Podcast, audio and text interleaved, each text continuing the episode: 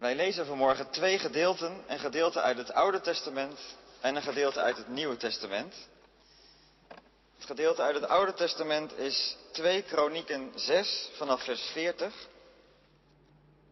En we lezen door tot en met hoofdstuk 7, vers 3. Dat is een lang hoofdstuk, 2 Kronieken 6. Salomo, koning van Israël, heeft de tempel laten bouwen in Jeruzalem. En als de tempel gereed gekomen is en de ark van het verbond is binnengedragen, dan wordt de tempel ingewijd. En Salomo spreekt een lang gebed uit tot God. En dan lezen we het slot van dat hoofdstuk. 2 Kronieken 6 vanaf vers 40. Daar bidt koning Salomo, God, wees opmerkzaam en luister naar de gebeden die vanaf deze plaats tot u worden gericht. Kom, Heer, mijn God, neem hier uw intrek, u en uw machtige ark. Mogen uw priesters bekleed zijn met zegen, uw getrouwen zich verheugen in geluk. Heer, mijn God, wijs uw gezalfde niet af. Gedenk de trouw van uw dienaar David. Toen Salomo zijn gebed tot de Heer beëindigd had, daalde er vuur uit de hemel neer, dat het brandoffer en de vredeoffers verteerde. De majesteit van de Heer vulde de tempel. De priesters konden niet naar binnen gaan, want de tempel was gevuld door de majesteit van de Heer. Alle Israëlieten zagen het vuur en de majesteit van de Heer op de tempel neerdalen. Ze knielden op het plaveizel neer, bogen diep voorover en loofden de Heer. Hij is goed, eeuwig duurt zijn trouw. Hier eindigt onze eerste lezing. En de tweede lezing is uit het Nieuwe Testament. Handelingen 2. En daarvan de eerste dertien versen. Toen de dag van het Pinksterfeest aanbrak, waren zij allen bij elkaar. Plotseling klonk er uit de hemel een geluid als van een hevige windvlaag, dat het huis waar ze zich bevonden geheel vulde. Er verschenen aan hen een soort vlammen, die zich als vuurtongen verspreidden en zich op ieder van hen neerzetten. En allen werden vervuld van de Heilige Geest en begonnen op luide toon te spreken in vreemde talen, zoals hun door de Geest werd ingegeven. In Jeruzalem woonden destijds vrome Joden die afkomstig waren uit ieder volk op aarde. Toen het geluid weer klonk, dromden zij samen en ze raakten geheel in verwarring, omdat ieder de apostelen en de andere leerlingen in hun eigen taal hoorde spreken. Ze waren buiten zichzelf van verbazing en zeiden, het zijn toch allemaal Galileërs die daar spreken? Hoe kan het dan dat wij hen allemaal in onze eigen moedertaal horen? Parten, Meden en Elamieten, inwoners van Mesopotamië, Judea en Cappadocië, mensen uit Pontus en Azië, Frigië en Pamphylië, Egypte en de omgeving van Cyrene in Libië, en ook Joden uit Rome die zich hier gevestigd hebben. Joden en proselieten, mensen uit Kreta en Arabië. Wij allen horen hen in onze eigen taal spreken over Gods grote daden. Verbijsterd en geheel van hun stuk gebracht, vroegen ze aan elkaar, wat heeft dit toch te betekenen? Maar sommigen zeiden spottend, zij zullen wel dronken zijn. Hier eindigt onze tweede lezing. Dit is het woord van God. Gemeente van onze Heer Jezus Christus. Wat gebeurde er nu eigenlijk op die Pinksterdag in Jeruzalem? Wie kan dat uitleggen? Dat is nog niet eenvoudig. Dat valt ons ook op wanneer we kijken naar de manier waarop Lucas dit in het boek Handelingen opschrijft. Er klonk een geluid als van een hevige windvlaag. En er verschenen aan hen een soort vlammen die zich als vuurtongen verspreiden. Hij probeert het uit te leggen, maar precies te vatten is het niet. Overweldigend was het zeker. Maar wat opvallend is, is dat het werkwoord vervullen in dit gedeelte drie keer naar voren komt. In onze vertaling komen we hem in ieder geval twee keer tegen, in sommige vertalingen drie keer. En dat helpt ons, denk ik, om op het spoor te komen wat Pinksteren betekent.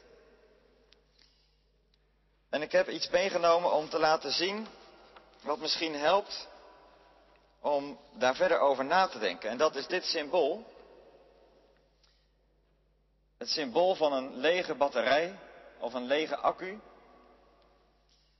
En ik heb best wel regelmatig als ik mijn smartphone erbij pak, dat ik dan dit symbool in het hoekje van mijn smartphone zie staan. En dan weet ik alweer hoe laat het is. Dan moet hij aan de oplader.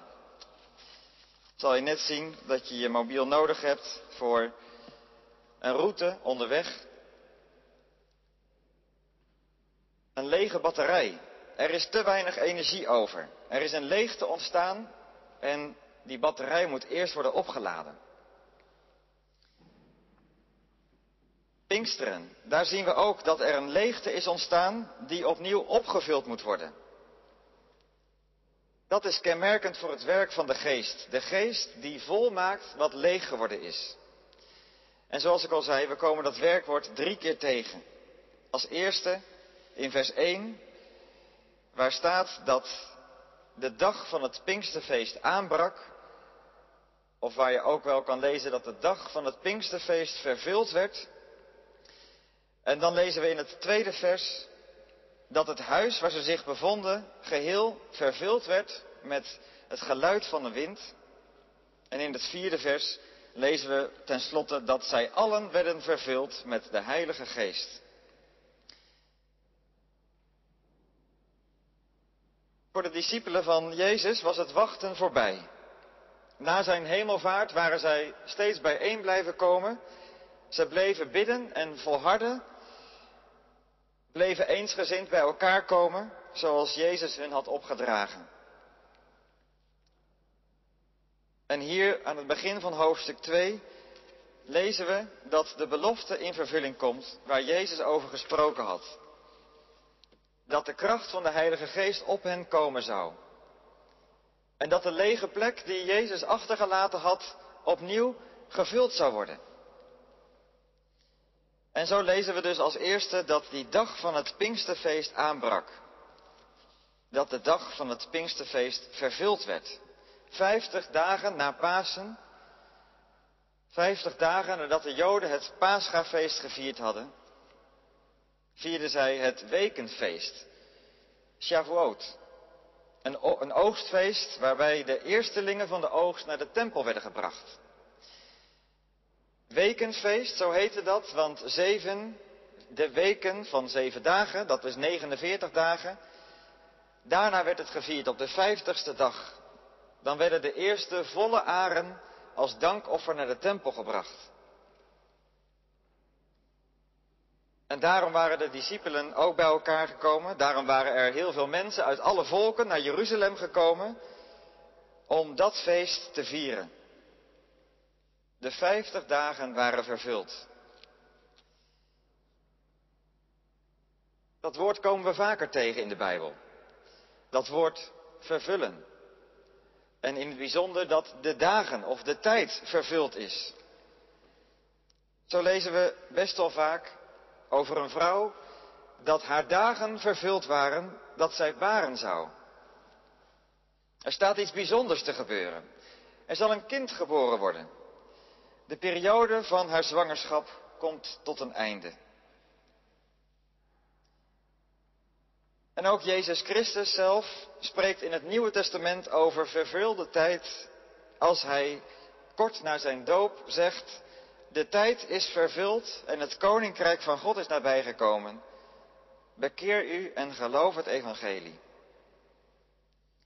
En ook dan duidt dat moment op het begin van een nieuwe periode.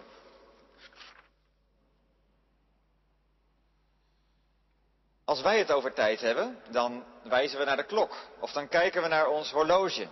Dat is de tijd. Maar toch is onze beleving van tijd nog wel eens heel anders. Bij de voorbereiding van deze dienst moest ik denken aan de tijd dat ik hier in Utrecht op kamers zat en regelmatig op de fiets naar de Uithof ging. En dan fietste ik vanuit de binnenstad langs Park Lepelenburg, de Malibaan, door het Wilhelminapark richting de Uithof. En onderweg kwam ik dan langs diverse klokken en wijzerplaten. Maar er was er eentje wel heel bijzonder. En dat was de toren van het entreegebouw van, het, van de voormalige Kromhoutkazerne, het huidige University College. En dat torentje van dat entreegebouw heeft aan alle kanten een wijzerplaat met daaronder onderschriften die een activerende houding moesten oproepen bij vroeger dan de militairen en vandaag voor de studenten. Want onder de ene wijzerplaat staat geschreven tijd slijt. En onder de andere zijt op tijd. En onder nog een andere rust roest. Korte, krachtige uitspraken die iets laten zien van onze beleving van tijd. Dat dat wel eens heel anders kan zijn dan de tijd die de klok letterlijk aangeeft. En dat herkennen we allemaal wel, dat de tijd soms ontzettend langzaam lijkt te gaan, terwijl op andere momenten je het idee hebt dat de tijd voorbij vliegt. En ik vroeg me af, heeft dat soms te maken met dat begrip vervulde tijd? Is dat misschien wel wanneer wij het besef hebben dat de tijd voorbij vliegt, omdat je iets bijzonders meemaakt?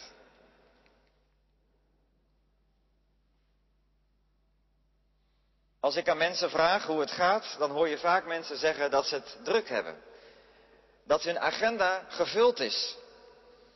En dat het leven nog wel eens ervaren wordt als een soort cirkel die alsmaar doorgaat. Steeds maar door. Een volle agenda. En gek genoeg zeggen die mensen daar dan bij dat ze ook wel eens geconfronteerd worden met een gevoel van leegte. Heel paradoxaal eigenlijk. Hoe voller onze agenda, hoe vaker mensen ook een gevoel van leegte ervaren. De moeheid neemt toe en momenten van vervulling zijn zeldzaam geworden. Tegenover de leegte van zo'n tijdsbeleving spreekt de Bijbel over vervulde tijd. Momenten, dagen, die je wijzen op het vervulde bestaan in Jezus Christus. Een dag als vandaag bijvoorbeeld, een feestdag. Maar ik denk ook aan de zondagen. Elke week een dag die die cirkel van werken en andere bezigheden doorbreekt en ons stilzet bij het werk dat God gedaan heeft. Een dag om tot rust te komen. Vervul de tijd. Pinksteren is het feest van de vervulling. En ook dan zien we vervulde tijd. De vijftig dagen waren vervuld. Er is een feestdag aangebroken. Een dag die het ritme van het dagelijks leven onderbreekt. Een dag die ons stilzet bij redding en hel dat in God te vinden is. Wij vieren Gods grote daden. Ook vandaag.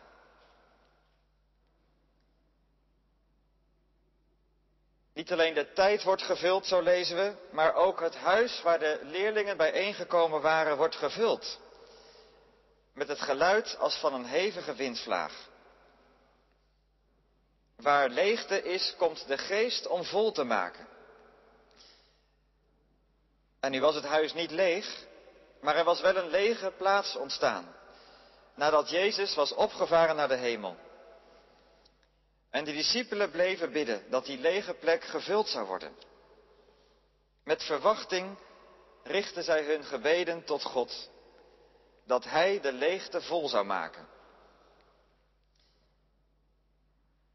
En als je leest over dat gebed van die leerlingen, doet dat denken aan andere momenten in de geschiedenis van het volk Israël, waarin gebeden werd tot God om een leegte te vullen.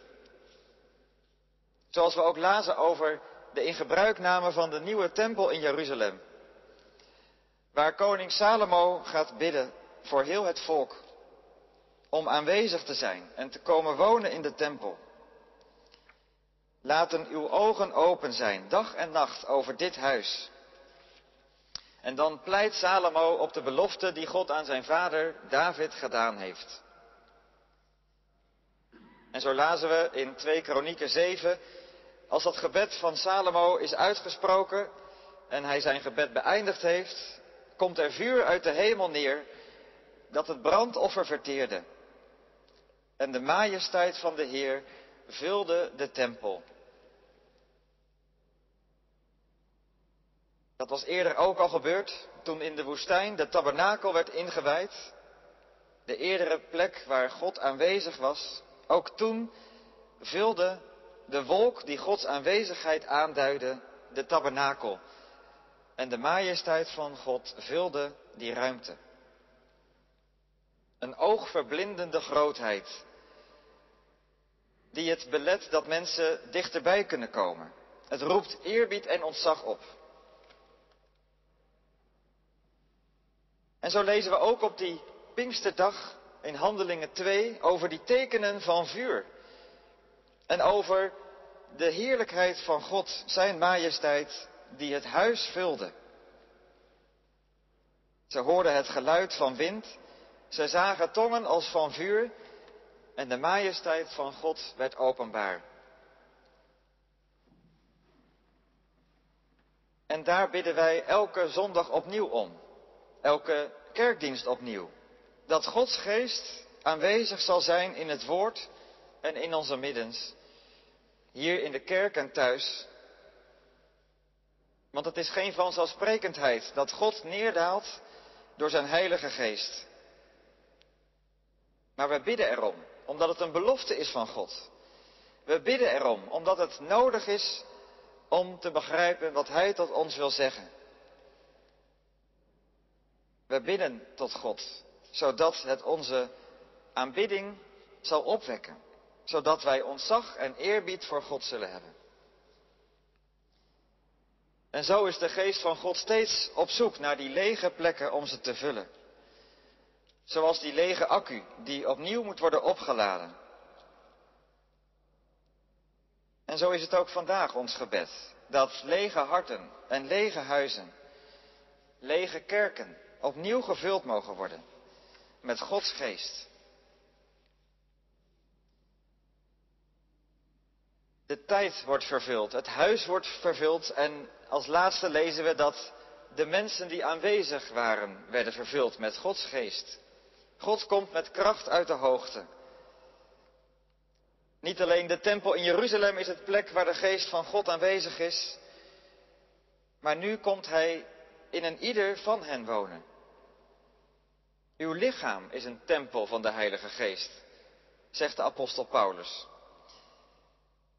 En zo komt Gods geest vanaf het Pinksterfeest niet alleen meer in het heiligdom, maar in een ieder van ons wil Hij aanwezig zijn. Het leert ons wel dat Pinksteren, zoals heel veel feesten in het christelijk geloof, ons laten zien dat het steeds bij God begint. Met zijn belofte van de geest, waarom wij mogen bidden. Zo is Pinksteren een nieuw begin, dat van God uitkomt. De geboorte van de kerk. De herschepping van ons leven. Hij schrijft in harten het geheim van vaders grote daden, zullen we straks zingen. Hij schrijft zijn verbond opnieuw in het binnenste van onze harten. Maar wij kunnen Gods geest ook buiten de deur houden. Want wij zien dat Gods geest lege plekken vult. Maar wij kunnen soms ook zo vol zijn van onszelf. En als het in ons hart vol is, dan is er geen ruimte voor de geest om binnen te komen. En daarom is dat gebed zo belangrijk, waarin wij onze afhankelijkheid aan God beleiden. Dat we Hem aanroepen in gebeden. Dan wil de Geest komen om onze leegte te vullen. Dat wonder van Pinksteren roept verschillende dingen op. Als eerste zie je dat de discipelen vrijmoedigheid krijgen om te getuigen. Waar het hart vol van is, daar loopt de mond van over. En dat zie je ook daar gebeuren. Hun hart, gevuld door Gods geest, loopt ervan over. In allerlei vreemde talen beginnen zij te spreken over de grote daden van God. En het tweede dat we zien gebeuren is een uiting van vreugde. De omstanders denken dat ze dronken zijn. Zo blij zijn die mensen geworden. Zo vreemd ziet het er misschien ook wel uit. Hoe dat op die manier eruit heeft gezien op die eerste Pinksterdag. Maar het is een kenmerk van Gods geest. Vreugde, blijdschap. Er is een vuur ontstoken. Er is een lege plek gevuld. Je weet je gezien en gehoord. Je kan het misschien niet uitleggen. Ja, hoe moet je daar eigenlijk ook woorden aan geven? Maar je bent geraakt en wat ben je daar blij over? Je bent overweldigd door wat God gedaan heeft in je leven. En dat mogen andere mensen zien en horen.